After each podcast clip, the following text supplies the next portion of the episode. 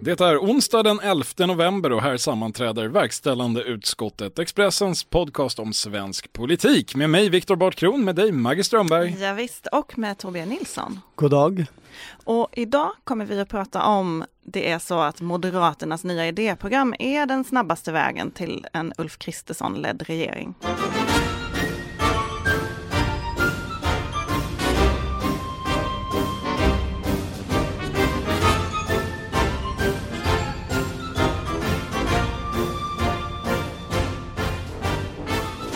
I lördags så kom nyheten alla hade väntat på. Moderaterna släppte sitt utkast till idéprogram. Mm. Sen var det något i USA samtidigt, men eh, vi fokuserar på väsentligheterna här i verkställande utskottet. Maggie, vad var det som hände?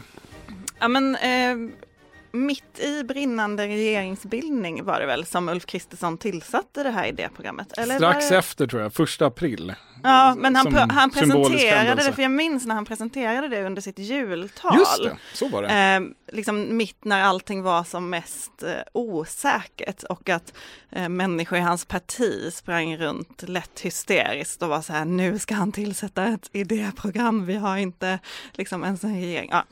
Ehm, det fanns ju vid den tidpunkten en viss frustration eh, med Ulf Kristerssons och Gunnar Strömmers förtjusning i eh, långa ideologiska diskussioner. Han insåg väl kanske att han liksom eh, hade blivit övergiven av de gamla allianskamraterna. Och tagit... behövde så att säga trösta sig. Tagit förlusten i förskott. Vissa och... människor liksom käkar godis, eh, chips, dricker, dricker för mycket alkohol. Andra människor tar till andra medel. Jag tror snarare att han tänkte så här, om jag skriver en riktigt övertygande förklaring till varför liberalism och konservatism faktiskt hänger ihop så kanske Annie Lööf stannar kvar. För han tänkte, som så många gånger förr, att Annie Lööf var moderat och inte centerpartist och skulle bry sig om ett idéprogram.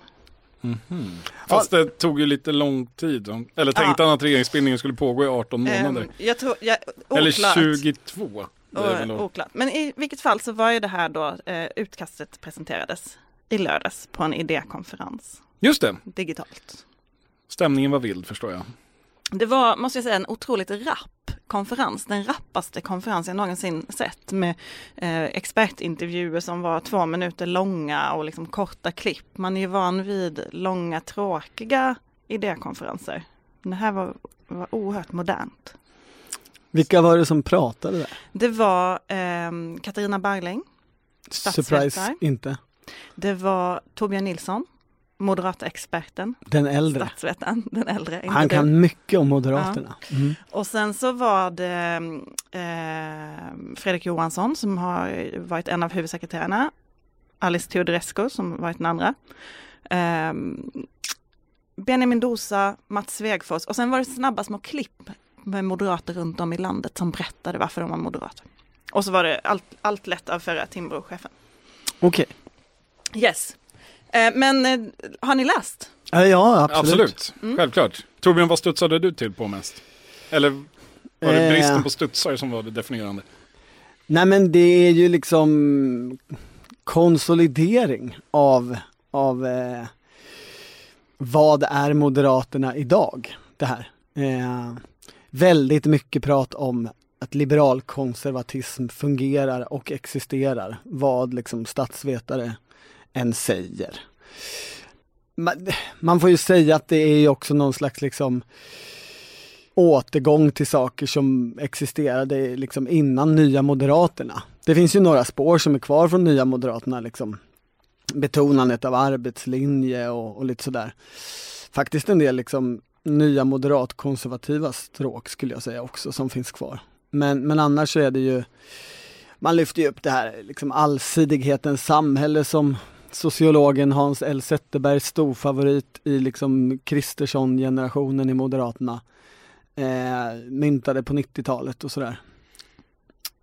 Alltså min, min känsla när jag läste var att det var som att läsa ett, ett väldigt, väldigt långt genomsnittligt Ulf Kristersson-tal från perioden 2017-2020. Det var, det var väldigt lite, alltså, de viktiga, de bärande bjälkarna i det här programmet eh, är ju, det, det kändes nästan som att idéprogrammet är skrivet för att passa det han brukar prata om. Nu kanske det inte är så det har gått till, men, men det var ju, var ju snarare så att man kanske hajade till på att det här var ju inte alls särskilt nytt. Det var liksom Gösta Bomans tänkande så som uttolkat av Ulf Kristersson i hans hittillsvarande partiledarskap. Eh, ganska rotat i här och nu ändå. Mm.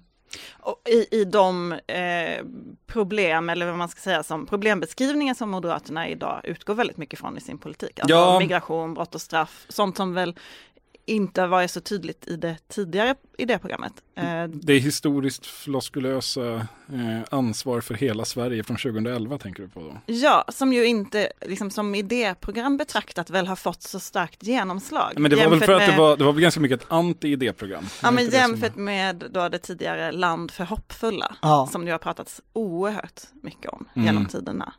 Eh, det, det som, en stor sak som lanseras i det här eh, idéprogrammet är ju ett nytt begrepp som kallas för funktionell anpassning.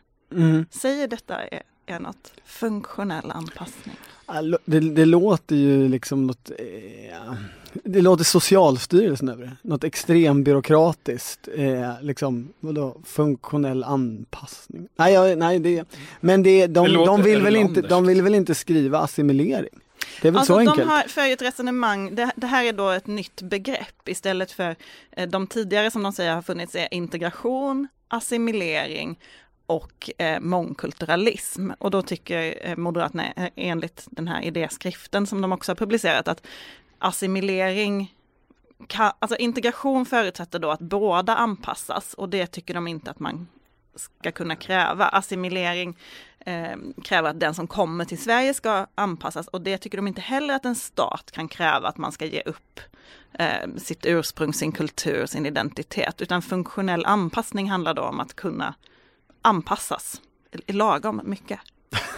Alltså vad skillnaden mot assimilering ligger, det är det, men det, det kan väl Fredrik Johansson reda ut på Twitter, i någon det- Twittertråd det är eller så. gan- det, alltså det skulle jag säga ganska uppenbart, alltså, om man med assimilering menar att en människa ska helt uppgå i en ny identitet, då är det väl inte så himla svårt att se vad man, vad man far efter. Det, det jag möjligen tycker, det här blir ju ganska mycket av ett hårklyveri för typ Andreas Johansson Heine på Timbro och eh, två statsvetare som är jätteintresserade av den här frågan och möjligen den här podden. Eh, därför att det här är funktionell anpassning, det låter som exakt det som 99,97% av alla svenskar menar när de säger integration. Ja. Det är ju inte så att gemene svensk går runt och tänker att man ska integrera sig i eh, afghansk kultur. Det, alltså det, det har aldrig liksom varit på fråga riktigt, vare sig i liksom köksbordsdebatten eller den politiska debatten, utan det, det, integration används ju som begrepp för att eh, folk som kommer hit Komma lär sig svenska, kommer in i jobb Mm. Och eh, följer lagen. Det är precis det som Men- integration alltid har syftat på. Sen vad, vad, vad liksom språkprofessorerna säger och, och de överintresserade delen av statsveteriet, det må vara en sak, men det här är verkligen på det viset tror jag en, en, stor icke-fråga och en perifer randdebatt. Men Men Alice- kanske bara jag. Alice Teodorescu sa under den här konferensen att, att eh, som svar på din fråga Torbjörn, att det då innebär att man inte ska till exempel behöva äta allting som traditionellt äts i det landet. Okej, Utan att man liksom ska få bevara sin, sin egen kulturella identitet. jag hon- är hon inte rabiat, dock, jag eh, äter pizza. Hon sa dock Som, själv, som Jimmie Åkesson eh, sa en gång. Det var nog inte Jimmie Åkesson utan någon, eh, visst var det, nej, jag tror att det var en gubbe i Bjuv som sa Ah, Okej, det är i alla Men- fall titeln på Niklas Orenius första stora bok om Sverigedemokraterna. Mm. Men i alla fall, eh, det, det var lite roligt att själv under den här idékonferensen så använde Alice Teodorescu då själv ordet integration eftersom ordet funktionell anpassning är hopplöst. Så att hon liksom, fast sen la till så här, fast vi vill ju gärna säga funktionell anpassning istället. Ja, tveksamt om det där kommer flyga kanske utanför idéprogramsgruppen, jag vet Det känns väl som att den frågan är inte någon man tyckte kanske själva här, eller jag har den bilden att man, att man eh, satte ner foten på ett lite spetsigt sätt och räknade med att det kanske skulle bli lite debatt kring det. Eh, kring eh, de kraftiga markeringarna mot identitetspolitik som man gör genomgående flera gånger i det här programmet. Men det är väl en debatt som till stor del är både vunnen och överspelad, tänker jag. Identitetspolitik har ju varit ett skällsord i ganska många ord. Sen kan man, äh, år. Sen kan man ju diskutera vad, som, vad man, det begreppet laddas med, men, men de konflikter som man, som man tycker sig sätta ner foten i här är ju ganska eh, ganska avgjord i alla fall i liksom en, en, en något sån här borgerlig socialdemokratisk eh, politisk diskussion, tror jag. Det är ju inte så att alltså Centerpartiet har väl inga större invändningar mot de här resonemangen heller. Men, eh, men det, det, och det är lite det jag menar med att här, här sett, det är verkligen ett idéprogram som står här och nu eller kanske till och med i 2016 till åtminstone delar. Och det var kanske inte riktigt meningen, men, men det kanske är oundvikligt. Jag vet inte. Jag vet inte, jag, jag reagerar snarare på liksom frånvaron av den liksom stora diskussionen i samtiden. Nämligen? Alltså det här är ju ett program där de säger att vi ska liksom uppdatera oss och eh, prata om hur är det att vara moderat idag? Vad är eh, Moderaterna, vad är inte Moderaterna? Det handlar väldigt mycket om att så här, dra linjer mot liksom Centerpartister och liberaler, mot kristdemokrater och sverigedemokrater, mot socialdemokrater. Eh, och det gör man ju genomgående i det här. Och man, och man eh, pratar om liksom eh, att den stora liksom fienden är kollektivismen. Eh, och att kollektivismen tar sig nya former och uttryck. Islamism nämner man och man nämner liksom ja, identitetspolitik. Eh, man säger inte att det liksom är vänsterns identitetspolitik men alla de liksom exempel man använder. Eh, liksom, där sexuell läggning och kön anses förklara individens position och möjligheter i samhället skriver man till exempel. Alltså att människors bakgrund anses binda dem vid vissa värderingar, åsikter och politiska rörelser. Det är ju liksom nyvänstern eh, man kritiserar här i det jag citerade. Men som Viktor är inne på, även, även det kritiseras ju av vänstern idag. Det är Absolut. ju liksom en, det, det är inte så politiskt Men, men det intressanta här är att den, den, den stora diskussionen vad gäller liksom högerns 1968, borgerligheten, vart tar den vägen och så. Det handlar ju om hur man ser på nationalismen. På att liksom nykonservatismen bygger på liksom en idélinje som är den dystopiska konservatismen, som är kollektivistisk, som, som har ett sånt uppdelande i, i ett vi och ett dom. Eh, och detta markerar man inte på något sätt emot i det här programmet. Man drar alltså tydliga röda linjer på allting förutom denna den mest brännande diskussionen som handlar om vad är Moderaterna gentemot Sverigedemokraterna på det område där Sverigedemokraterna vill prata. Alltså man är tydlig med vad är Moderaterna eh, unika med gentemot Sverigedemokraterna på de områdena moderater känner sig trygga. Marknadsekonomi, skatter, liksom allt det där. EU. Ja, EU, inte minst. Eh, men när man kommer hit så vågar man inte, vågar, det vet jag inte. Man använder inte ordet nationalism. Man diskuterar inte vad är det? Finns det bra nationalism? Pratar man Finns om nationalstaten? Man pratar om nationalstaten på en del ställen. Man pratar om eh, eh, det svenska, liksom man pratar om eh, judisk kristet arv på ett sätt som nästan låter kristdemokratiskt. Eh, men man diskuterar inte nationalismen alls och av Har det du jag, något svar på varför? Jag tror inte de är överens.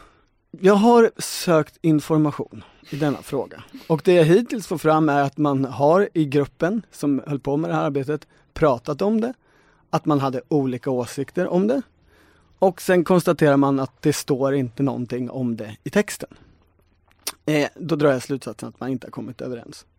Och liksom det här blir ju, i, på några ställen i texten blir det ju liksom löjeväckande. De har också ett stycke som handlar om eh, optimism och realism.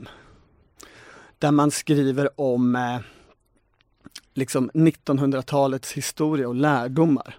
Att liksom får man för högt flygande galna idéer så slutar det alltid med liksom skyttegravar eller koncentrationsläger. Eh, och, och det är liksom skulden för det, för det är idéströmningar som fascism och kommunism. Inget konstigt alls om man är moderat. Det är bara det att koncentrationslägren det syftar ju på andra världskriget. Och det är ju rimligt att skylla på nazism och även koncentrationsläger liksom i Sovjet sen är rimliga att skylla på kommunism. Men skyttegravarna kan bara hänvisa till första världskriget. Och det är oerhört svårt att skylla första världskriget på nazism eller kommunism om man ska så att säga skuldbelägga en idéströmning. Den idéströmning som går att diskutera kring första världskriget och skulden är nationalismen. Men den vill inte den här moderata idégruppen diskutera.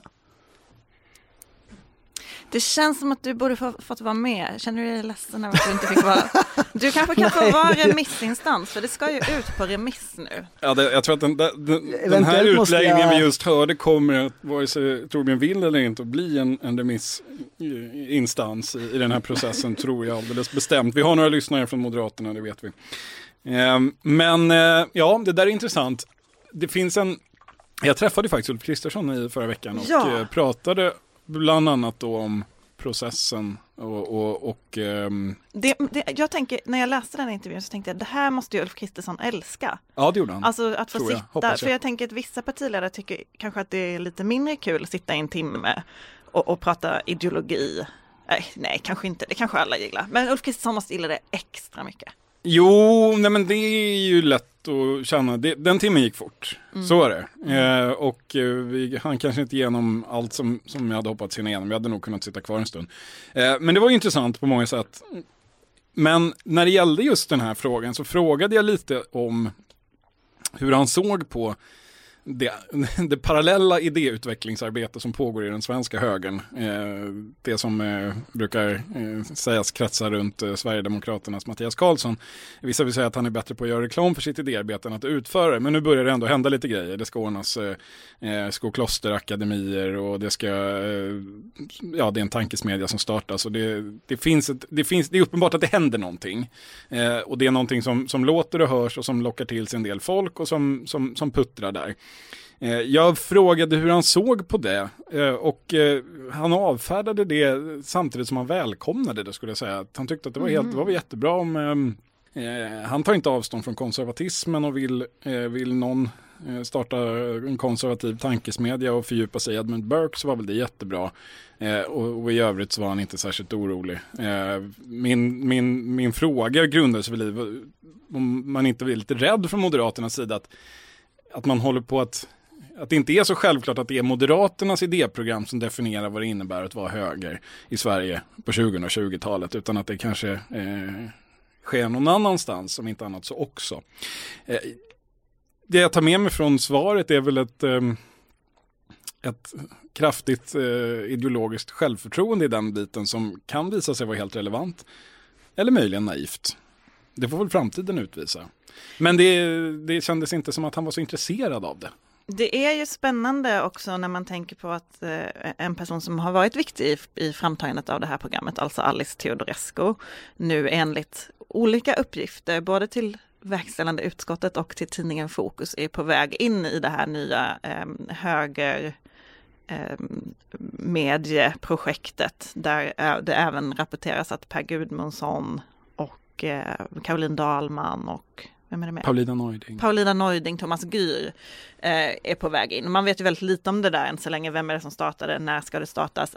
Vad är det? Ja, precis. De, de kanske blir snabbaste vägen till en Kristersson-ledd regering snarare än det här idéprogrammet. Ja, men det är Eller? ju intressant att det händer ju ändå saker på, på och har ju hänt mycket på, på höger håll. Och det blir ju spännande att se, alltså lite det du är inne på. Är det Moderaterna som kommer hålla i, i taktpinnen? Ja, I grunden här, så bottnar det här i, alltså det här är ett program som sagt, för att återknyta till starten, där Ulf Kristersson uttolkar Gösta Bomans tänkande tillsammans med sin generation moderater lite grann känner jag.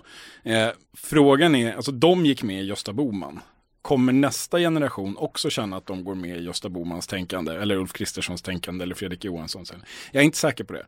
Det, det, det känns som en väldigt öppen fråga om, om, eh, om de som är 20 någonting eller kanske till och med tio någonting och som ska forma nästa generations höger om, om de eh, kommer brinna lika mycket för, eh, för de här Arvet. idéerna. Ja, det, det, är väl det, det är väl den frågan som jag tror är öppen och det är den striden, tänker jag, som Moderaterna måste vinna eller ge sig in i och ta.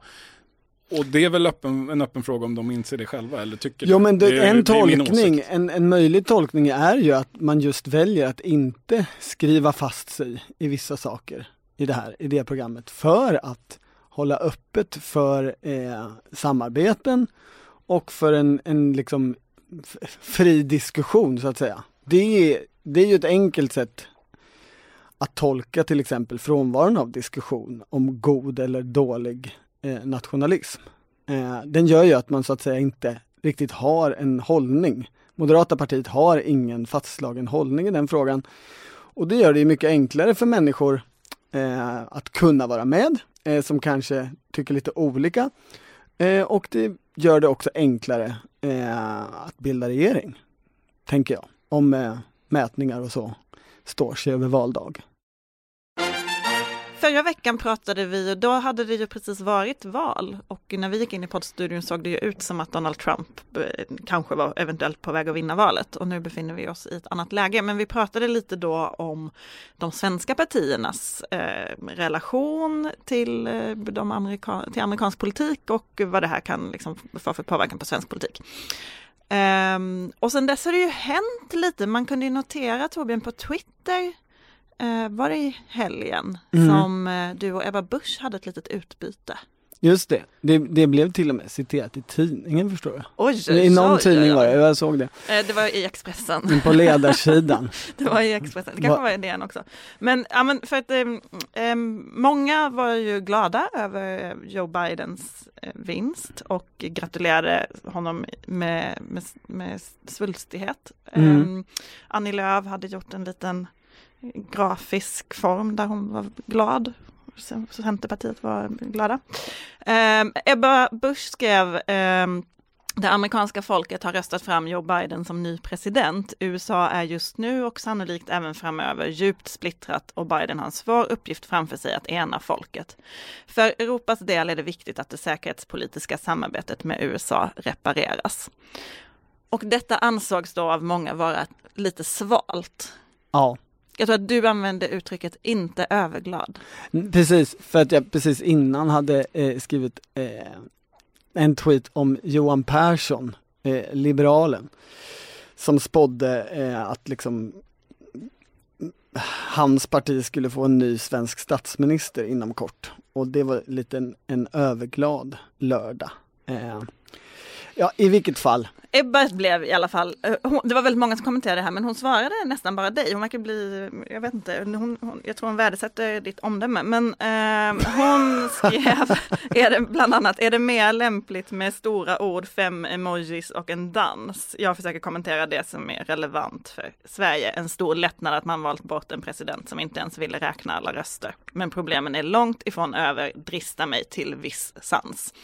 Eh, men det här liksom fick ju folk att gå igång och säga att Ulf Kristersson som ju hade varit tydlig med att han tyckte att Trump hade varit ett problem för världen om han fick fortsätta. Då, då, då gick massa ledarskribenter igång och sa att det är ändå tur att Kristersson leder oppositionen och inte Ebba Busch. Hur ska man tolka det här som Ebba Busch skriver?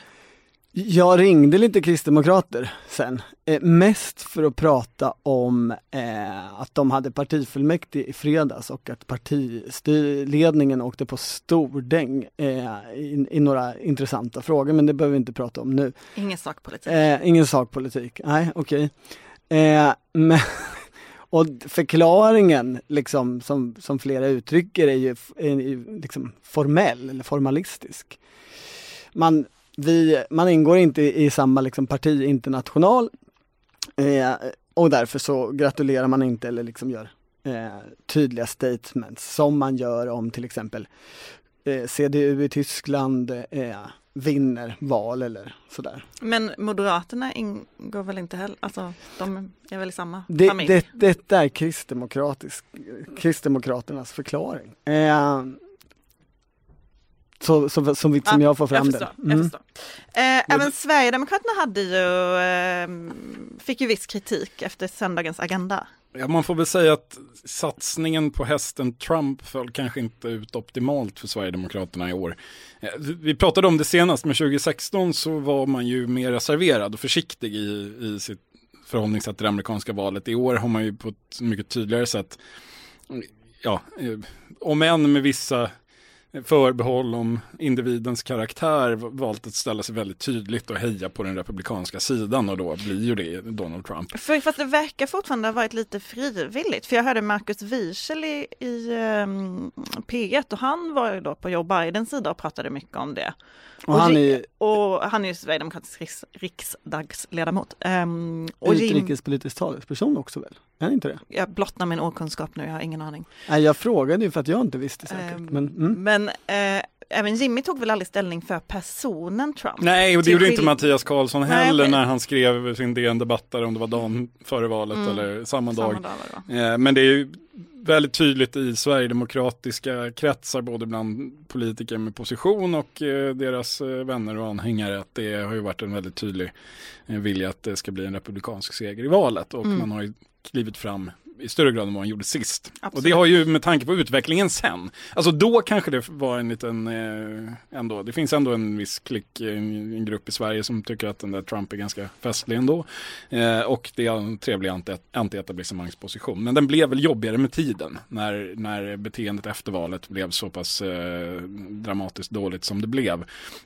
Det är, det är lite eh, dråpligt att se hur, jag såg Mattias Karlsson var inblandad i en, han, han, hade, han hade varit kritisk då eller eh, till eh, Donald Trumps agerande och eh, hade då tydligen fått så mycket eh, ovett från från, från anhängare eller brevskrivare eller vad han refererar till så han kände sig tvungen att gå ut på Facebook och, och, och försvara sin kritik mot Donald Trump och samtidigt nyansera bilden av vad som hade hänt och så brakar det loss i kommentarsfältet där den gamla avpoliterade men ändå ständigt närvarande Erik Almqvist var kritisk mot Mattias Karlssons beteende och det blev en diskussion där. Vi har sett eh, en nyligen avpoliterad men ständigt närvarande person som Kent Ekeroth som har varit oerhört engagerad i frågan om valfusk i USA.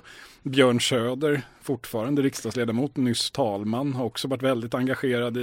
Spännande att de har, de har slutna möten men öppna Ja, Facebook-trådar. det, det, nej, men det har varit väldigt påtagligt i svärdemokratiska kretsar kan vi säga att man har varit eh, engagerad i den här frågan om, om, eh, om valfusk i USA på ett sätt som kanske inte har varit helt smickrande för partiet i en bredare kontext. Eh, det, det är ju, det är ju ehm, jag tror att det här är mer olyckligt än vi kanske kortsiktigt tänker på för Sverigedemokraterna. Det här är precis vad de inte behöver. En diskussion om den demokratiska trovärdigheten med vissa argument. För det är ju där det landar. Ja, och det är ju den som de ehm, har kämpat för att ta sig bort ifrån Precis, under så i himla tio lång tid. år. Ja. Och sen så står man och... För att det är ju Eh, får en sak med ja. Ungern, men det är liksom, det här blir på ett sätt Ja, men Ungern, paradoxalt nog mer nära. det blir mycket närmre. Det är någonting som alla relaterar till. Mm, och eh, att då blir partiet som, som tycker att man, att det, ja, som står på Trumps sida i, i det här, det, det är väldigt olyckligt tror jag för partiet. Hur som helst, eller, ja, absolut. Eh, nej men jag, um, jag, jag ringde lite Sverigedemokrater. Fan vad du har hunnit ringa i veckan. Ja, jag, jag har ju såna här, jag har fått skaffat såna eh, trådlösa hörlurar. Det är, jag, jag kan prata dygnet runt med folk nu för tiden. Fantastiskt. I vilket fall, eh, nej men jag frågade dem var, varför, alltså för det är ju lite paradoxalt där att i, i förra presidentvalet så var det liksom Mikael Jansson och, och Kasselstrand och eh, Hane som, som stödde Trump liksom offentligt och de har alla kickats ur partiet för att de är för extrema. Just nu pågår vår stora season sale med fantastiska priser på möbler och inredning. Passa på att fynda till hemmets alla rum, inne som ute, senast den 6 maj. Gör dig redo för sommar. Välkommen till Mio. Hej, Synoptik här. Visste du att solens UV-strålar kan vara skadliga och åldra dina ögon i förtid? Kom in till oss så hjälper vi dig att hitta rätt solglasögon som skyddar dina ögon. Välkommen till Synoptik nu eh, har liksom Trump eh, visat sig liksom vara en förlorare, det är eh, om man tänker på rösträkning och, och, så var ju också opinionsmätningarna inför. Ändå så var det liksom ett mycket bredare uppbackning från Sverigedemokraterna. Och det menar ju de, eh, som jag snackade med, beror på två saker. Dels att, att liksom Republikanerna har under Trump samlats och blivit ett annat parti som ligger närmare liksom Sverigedemokraterna. Och just eh, ja, när vi pratar om liksom, vilken typ av konservatism och så man företräder så tycker de att eh, Republikanerna idag är närmare oss och vårt. Liksom, de försöker göra Republikanerna till sitt systerparti och liksom eh, Alltså inte bara formellt utan liksom älsklingsparti sådär som republikaner eller delar av republikanerna kunde vara för moderater för. För de stjäl ju liksom det här från Moderaterna. Eh, och den andra grejen är att man liksom ser det här så långsiktigt. Att man håller på med det här internationella arbetet som man inte alls var intresserad av för fyra år sedan. Att liksom få till den här liksom nationalistiska eh, eller, eller konservat, socialkonservativa internationalen de pratar om liksom, alltså det här är ju Mattias Karlsson och eh, liksom Charlie Weimers i EU-parlamentet som har drivit på och vilka, det är mycket snack om vilka konferenser med republikaner de har åkt på, vems bröllop de har varit och besökt och sådär. Så här är ju någonting som händer och då, då tänker ju de att så här, ja det finns eh, liksom en, en stor grupp i Sverige som, som eh, kanske inte lockas av oss när vi gillar Donald Trump, särskilt inte när Donald Trump liksom eh, framstår som odemokratisk, eh, typ eh, gör en mjuk statskupp eller vad det är som händer. Men det spelar ingen roll, eh, för långsiktigt vinner vi på det här. Vi blir en stor spelare med liksom bundsförvanter internationellt och Moderaterna kommer krympa ihop till liksom ett skrumpen litet äppelskrutt till, av gammalt parti som, som inte har något med någon att göra längre. Men frågan är om, det, om de har rätt i detta eller Nej, om det är fråga. så här att detta är ett tecken på att Sverigedemokraterna har tappat sin, eh, tappat sin feeling. Men man kan, ju, man, kan, man kan ju lyfta frågan ändå, för jag, det, det måste jag delar helt den, den bedömningen om varför man gör så här. Och väldigt mycket talade ju för att det här var en bra häst att satsa på. Herregud, man har möjlighet att liksom göra sig själv till ett med ett av de två partierna i USA som har en enorm internationell, ett av, av världens mäktigaste partier naturligtvis. Ehm, och sen går det så här och det republikanska partiet håller för överskådlig tid tror jag på att bli li minst lika förgiftat i en eh, svensk och kanske till och med en bredare europeisk eh, politisk debatt som någonsin Viktor Orban. Hur som helst, Eh, det har varit ett år av tveksamma hästsatsningar för Sverigedemokraterna. Det har faktiskt varit ett dåligt år för Sverigedemokraterna skulle jag vilja säga. Ett, ett oväntat dåligt år, kanske ett av de sämre på länge. Det var ju så att 2019 var ett fantastiskt år på många sätt. Man eh, fick en regeringsbildning som man absolut eh, ville ha, även om man hellre såklart hade haft en regering som man själv stödde. Men givet det valresultat man fick så, så var det väl i princip bästa möjliga. Alla mot det är den egna favoritkonstellationen, MKDST. Mm. Eh, jättebra. Man bröt vallen mot samarbete. Eh, man fick sin lunch, åt köttbullar med Ebba Busch och sen rullade det på. Och i november 2019, ett år sedan nu, så kom den här mätningen där Sverigedemokraterna med viss marginal var största parti i Sverige, 24 procent. Det var verkligen ett, ett, andra, eller tredje eller fjärde genombrott som hände där. Ja. Men det var då. Eh, sen dess har det ju inte gått lika bra. Eh, det, nu kom ju novembermätningen från Demoskop i år då och då är Sverigedemokraterna tredje största parti. Eh, detta skrumpna äppelskrutt till moderater har sakta men säkert eh, trocklat sig förbi. Är uppe på drygt 22 procent, Sverigedemokraterna strax under 20. Eh, Socialdemokraterna eh, är största parti, men i, vi har inte någon coronaeffekt där det är så att alla har gått till Socialdemokraterna, för Socialdemokraterna bara 24 procent. Så här har man en substantiell tillbakagång som inte går att förklara med nationell samling runt Stefan Löfven. Aha, eh, Vad ska alltså, vi då ha för förklaring? Ja men så här, om, om, jag bara, om jag bara kokar ner det här då, titta på relationen M-SD. För ett år sedan så hade Sverigedemokraterna 24 procent, Moderaterna 17,8 tror jag. Eh, nu Moderaterna 22,4, Sverigedemokraterna 19,9. Eh, det, här, det är det programmet? Ja, precis.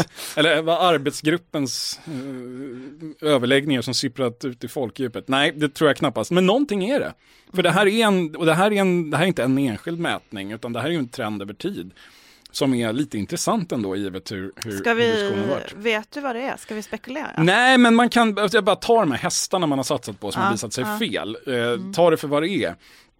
Eh, coronapandemin var på väg att bubbla upp. Eh, Jimmy Åkesson valde istället satsa på att åka till Turkiet och kom, kna kom, knappt hem för att land efter land stängde sina gränser när han skulle dela ut flygblad. Eh, pandemin slog till på allvar. Åkesson satsade på att stänga skolorna. Det vill säga mm. det enda som alla är överens nu om att Sverige gjorde riktigt bra, att inte stänga skolorna. Eh, Åkesson krävde Tegnells avgång. Samtidigt dök smittspridningen kraftigt. Tegnell har rekordförtroende. Eh, man kan diskutera länge huruvida det är motiverat eller inte, men det håller i sig. Eh, Åkesson tröttnade på coronapandemin. Snörvlade i riksdagens talarstol och gick på 50-årsfest och fastnade på bild. Andra vågen kom. Eh, man kan hålla på. Det känns som att Sverigedemokraterna inte riktigt har haft det där momentumet i det de gör i år som de kanske har haft tidigare år. Jag vet inte, jag, jag vill bolla upp frågan här. Va, va, va? Jag, jag, jag, vill lägga till en, en sak. Ja, gör det Som, som inte är populär eftersom den är privat. Skilsmässan. All, skilsmässan. Alltså mm. exakt det här fenomenet gick ju att skönja liksom i nya Moderaterna, posten Reinfeldtska skilsmässan. Otroligt är svårt kanske att hävda att det liksom berodde, att det fanns en direkt kausalitet vid det. Men om din spaning, Viktor, är har inte liksom Sverigedemokraterna fingertoppskänsla längre? Så går ju liksom till frågan varför har inte Jimmy Åkesson eller partiledningen fingertoppskänsla längre? Och då kan man ju konstatera att eh, det finns ju en möjlighet att den här privata förändringen eh, faktiskt eh, hindrar intryck, politiska intryck alltså, eh, till, till partiledaren och partiledningen. Alltså, det kanske var Louise Eriksson som hade fingertoppskänsla. Mm. Jag var ju i Sölvesborg igår. Just det. Eh, hela dagen faktiskt. Träffade du eh, Louise Eriksson? Träff... Kände du vindarna? Nej men alltså jag träffade inte Louise Eriksson för att hon eh, eh var upptagen. Eh, det var också så, det var så underbart för jag var med en eh, jätteduktig ehm, fotograf som brukar jobba för Kvällsposten och Expressen. Som var så här, nej men jag har träffat Louise många gånger, vi går bara till kommunhuset och knackar på. Alltså sådär som det är eh, i, i kommuner som inte är eh, Stockholm till exempel. Eh, men hon hade inte tid och eh, hon ville inte prata med mig för hela veckan. Jag håller ju på med eh, den andra stora nyhetshändelsen den här veckan, alltså minkarna Oj, oj. Det finns ju väldigt många minkar i, i Sölvesborg. Och det var inte hon sugen att prata om? Eh, det verkar inte så, nej. Men det som slog mig, för jag pratade med väldigt mycket folk i Sölvesborg igår, det var eh, en avsaknad av spontan politisk diskussion.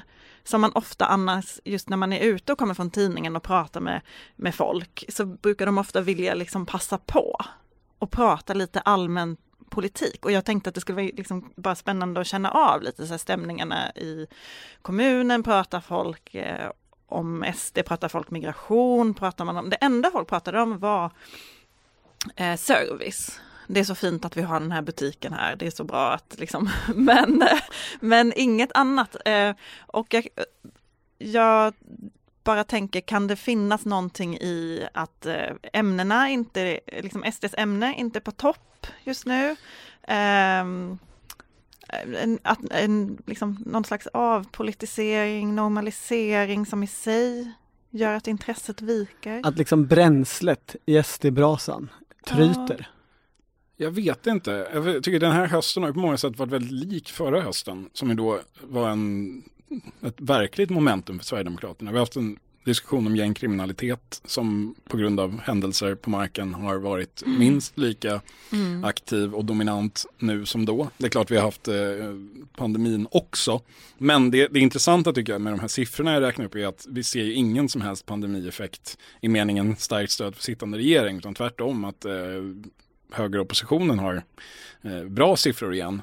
Men det är inte Sverigedemokraterna som driver den utvecklingen den här gången. Det var jag noterade gången. en annan intressant sak som nog inte heller är svaret på din fråga Nej. igår. För när jag åkte tåget hem från Sölvesborg så passade jag på att titta på eh, livesändningen som eh, högerdebattören Henrik Jön, Jönsson. Jönsson, Ja. förlåt.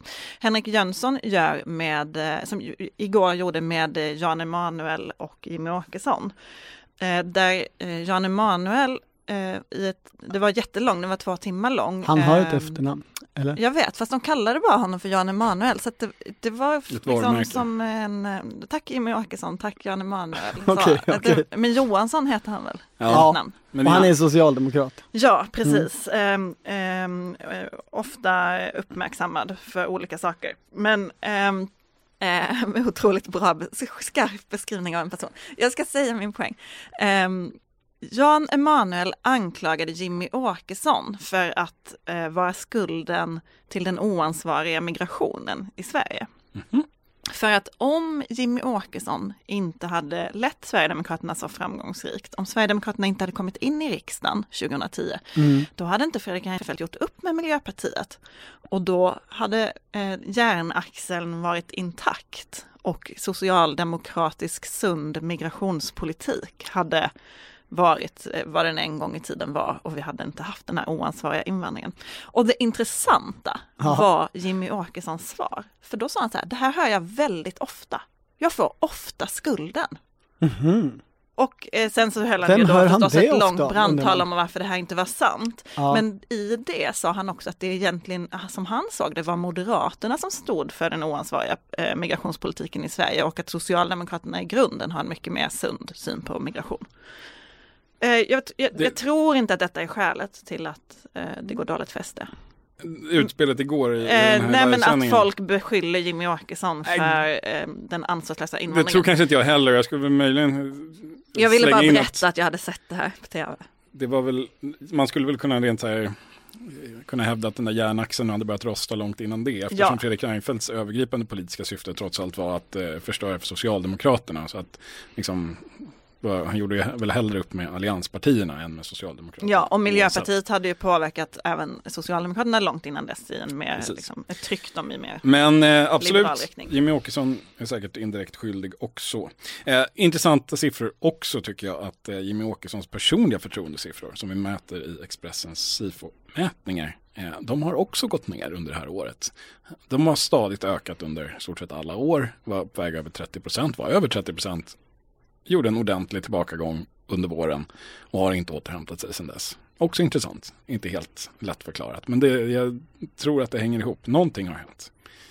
Vi kanske inte kommer längre. Jag tror det är i det programmet. Du tror att det är i det programmet? Vi får nog auktionera. Ja, vi återkommer. Verkställande utskottet görs ju av Expressens politikredaktion. Där jobbar ju vi. Det stämmer. Ja. Och om man vill så kan man eh, bli medlem i den så kallade inre kretsen. Det innebär alltså att du eh, får tillgång till hela Expressen Premium inklusive allt material vi gör och det är en hel del som är specifikt för premiumläsare och allt blir det med tiden dessutom. Eh, det kostar bara 29 kronor i månaden för dig som lyssnar på verkställande utskottet i första halvåret, eller under första halvåret. Och sen 69 kronor i månaden. Vilket är otroligt mycket billigare än andra svenska tidningar med mindre intressant politikbevakning. Eller ett Netflix-abonnemang, absolut.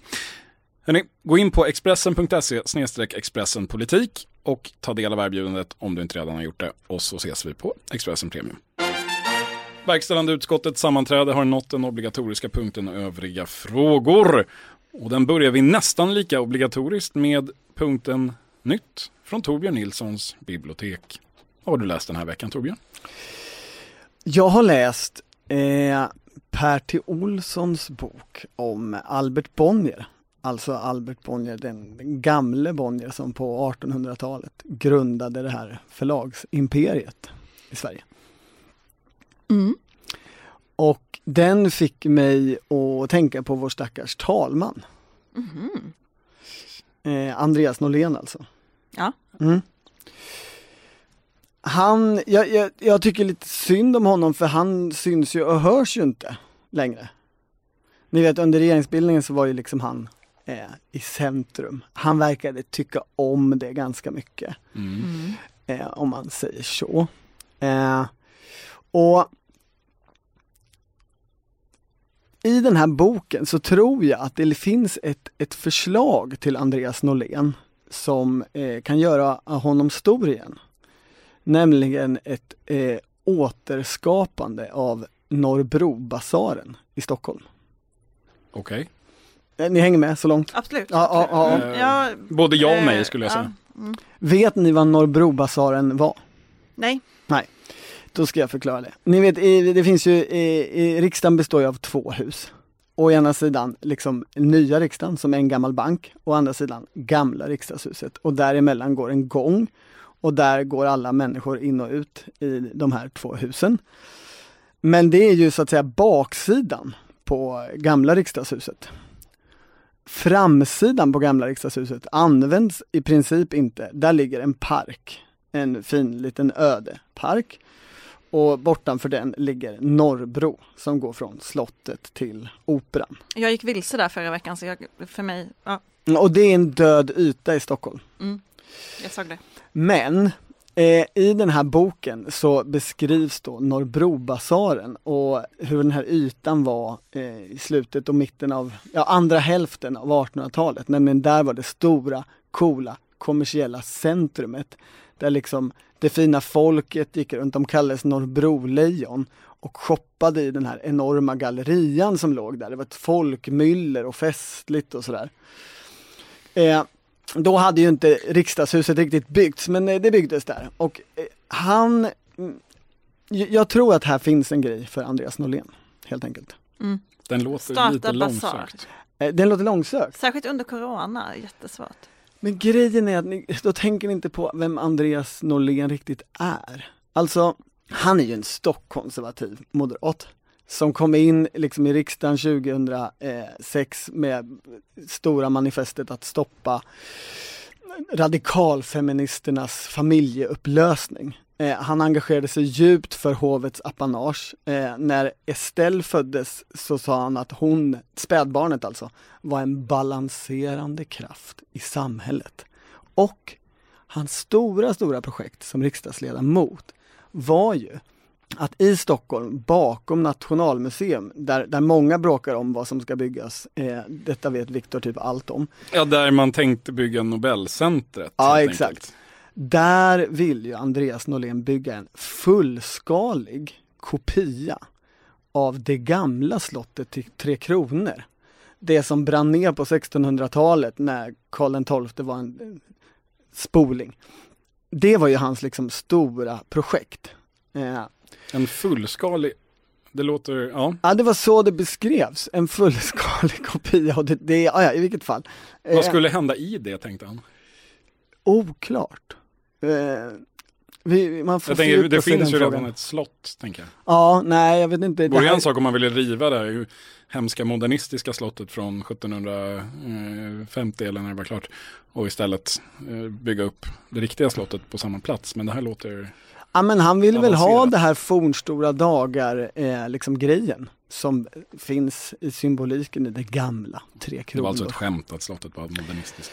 eh, I vilket fall. Bara här, ifall, vi har någon sån här arkitekturupprorsmänniska. Men här, här har alltså jag har länge letat efter bra skildringar av den här Norrbrobasaren för jag har alltid tänkt på hur liksom, vilken död yta det här är och att riksdagen liksom inte eh, använder den, den här ytan som finns eh, och att liksom i den här pampiga Men entrén förlåt, men på vilket är- sätt skulle det här projektet gynna Andreas Norléns personliga varumärke? Skulle han kunna stå där och hälsa på folk Nej, hela men han dagen? kommer- Eller skulle han få press Ja på men det? teorin är ju så här, i, i Per T. Olssons bok så beskrivs det här då som det här supercentrumet och längst bort närmast slottet i den här långa, avlånga eh, basaren, gallerian, så hade alltså Albert Bonnier sin första bokhandel. Eh, eh, och om Det var där Norlén skulle haft riksdagens gift shop istället för i exakt bankhallen. här skulle det ju komma strömmandes människor till riksdagen och man skulle liksom öppna upp och det skulle pågå verksamhet och själv skulle han gå där ute och spankulera med en käpp i den här parken och snacka med folk om riksdagsarbetet och Demokratin 100 år. Jajamensan, precis. Det är det som jag, det är det förslag som så att säga växer fram för Andreas Norlén när man läser Per T. Olssons bok om Albert Bonnier. Glasklart. Inte minst så skulle han få liksom sitt lystmätte för att eh, citera svenska klassiska texter. Andreas Norlén alltså. ni vet han gillade ju han, han, att deklamera dikter och sådär. Och eh, ah, jag tänker mig att han liksom skulle stå där på invigningen och deklarera en av de mest klassiska svenska dikter som faktiskt handlar om Norrbrobasaren. August Strindberg-dikten som Strindberg liksom skrev i någonstans i förvisning i Europa. Ja, då står han där och så säger han så här. Då gingo hastiga tankar till gamla Norrbrobasarn.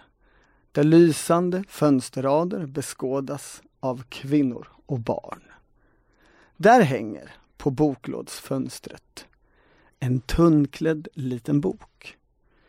Det är ett urtaget hjärta som dinglar där på sin krok. Det är bara att gå och ta det, Andreas Norlén. Förslaget ligger där. Veckan är ung och eh, det är även ungdomsförbund.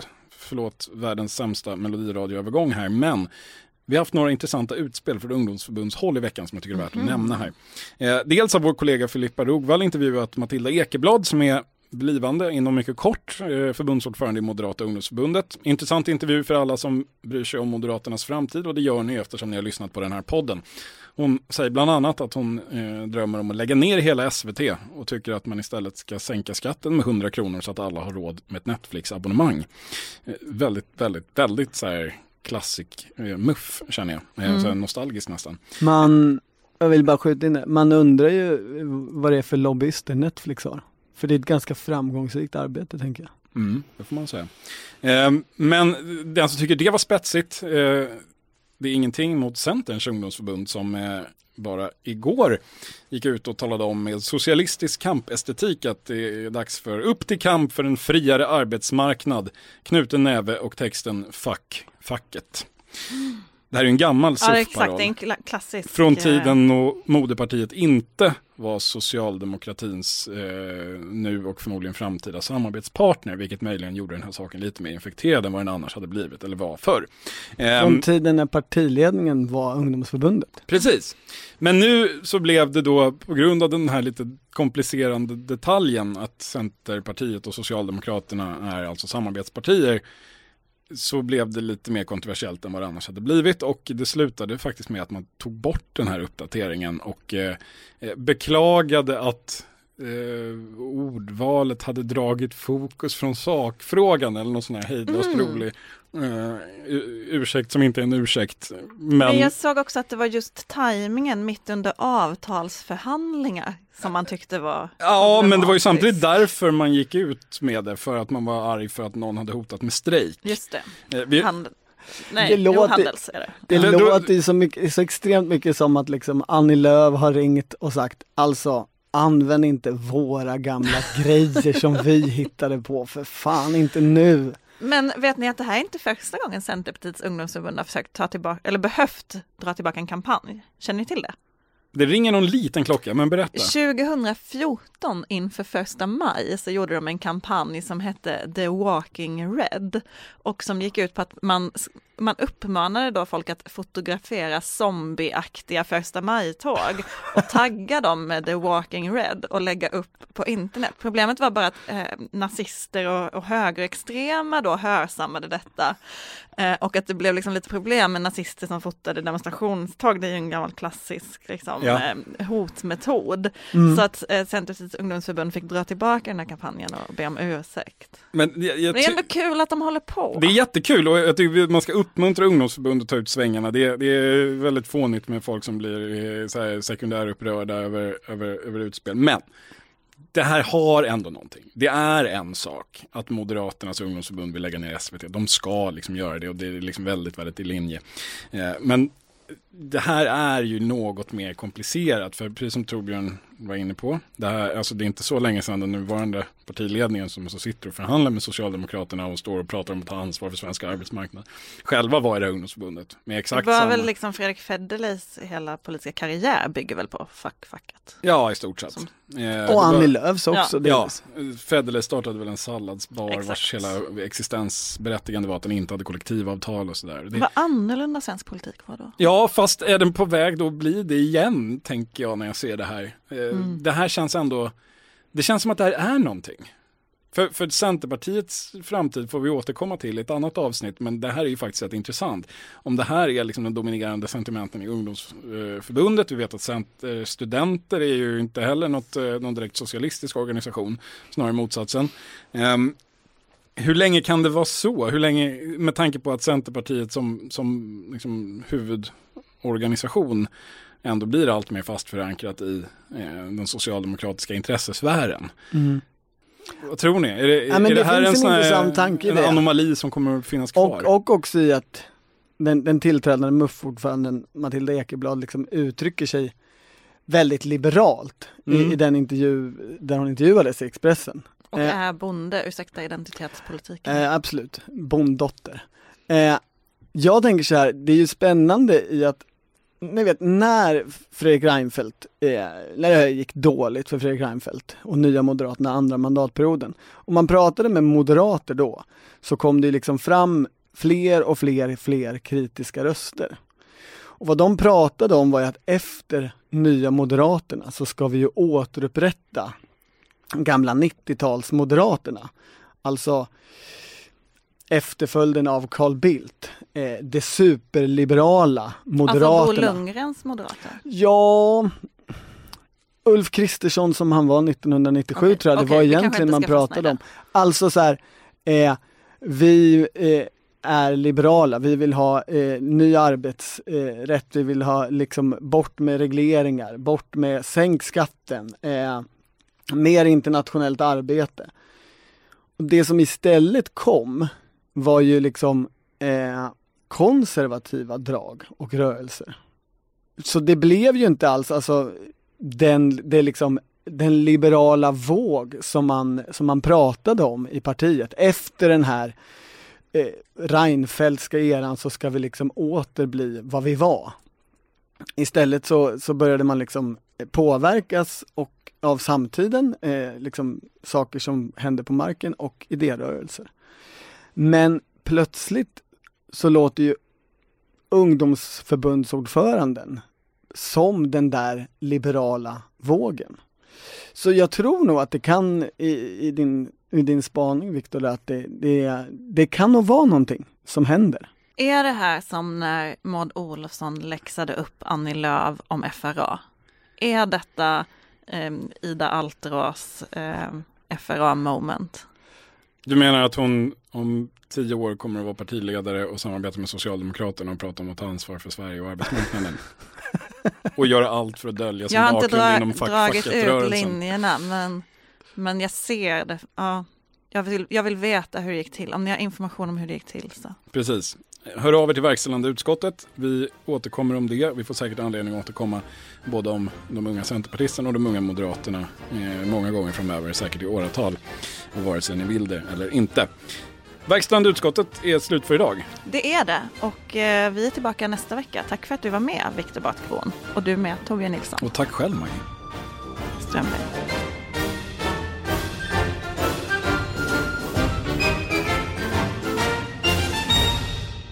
Du har lyssnat på en podcast från Expressen. Ansvarig utgivare är Klas Granström. Dagens vinnarprognos från Postkodlotteriet. Postnummer 65209, klart till halvklart och chans till vinst. 41101, avtagande dimma med vinstmöjlighet i sikte. Övriga 10 500 postnummer soligt och möjlighet att vinna. Oavsett när sommaren kommer till dig så kan du och dina grannar få dela på 48 miljoner i sommaryran. Ta chansen nu i maj på Postkodlotteriet.se. Åldersgräns 18 år. Kontakta stödlinjen om du eller någon anhörig spelar för mycket.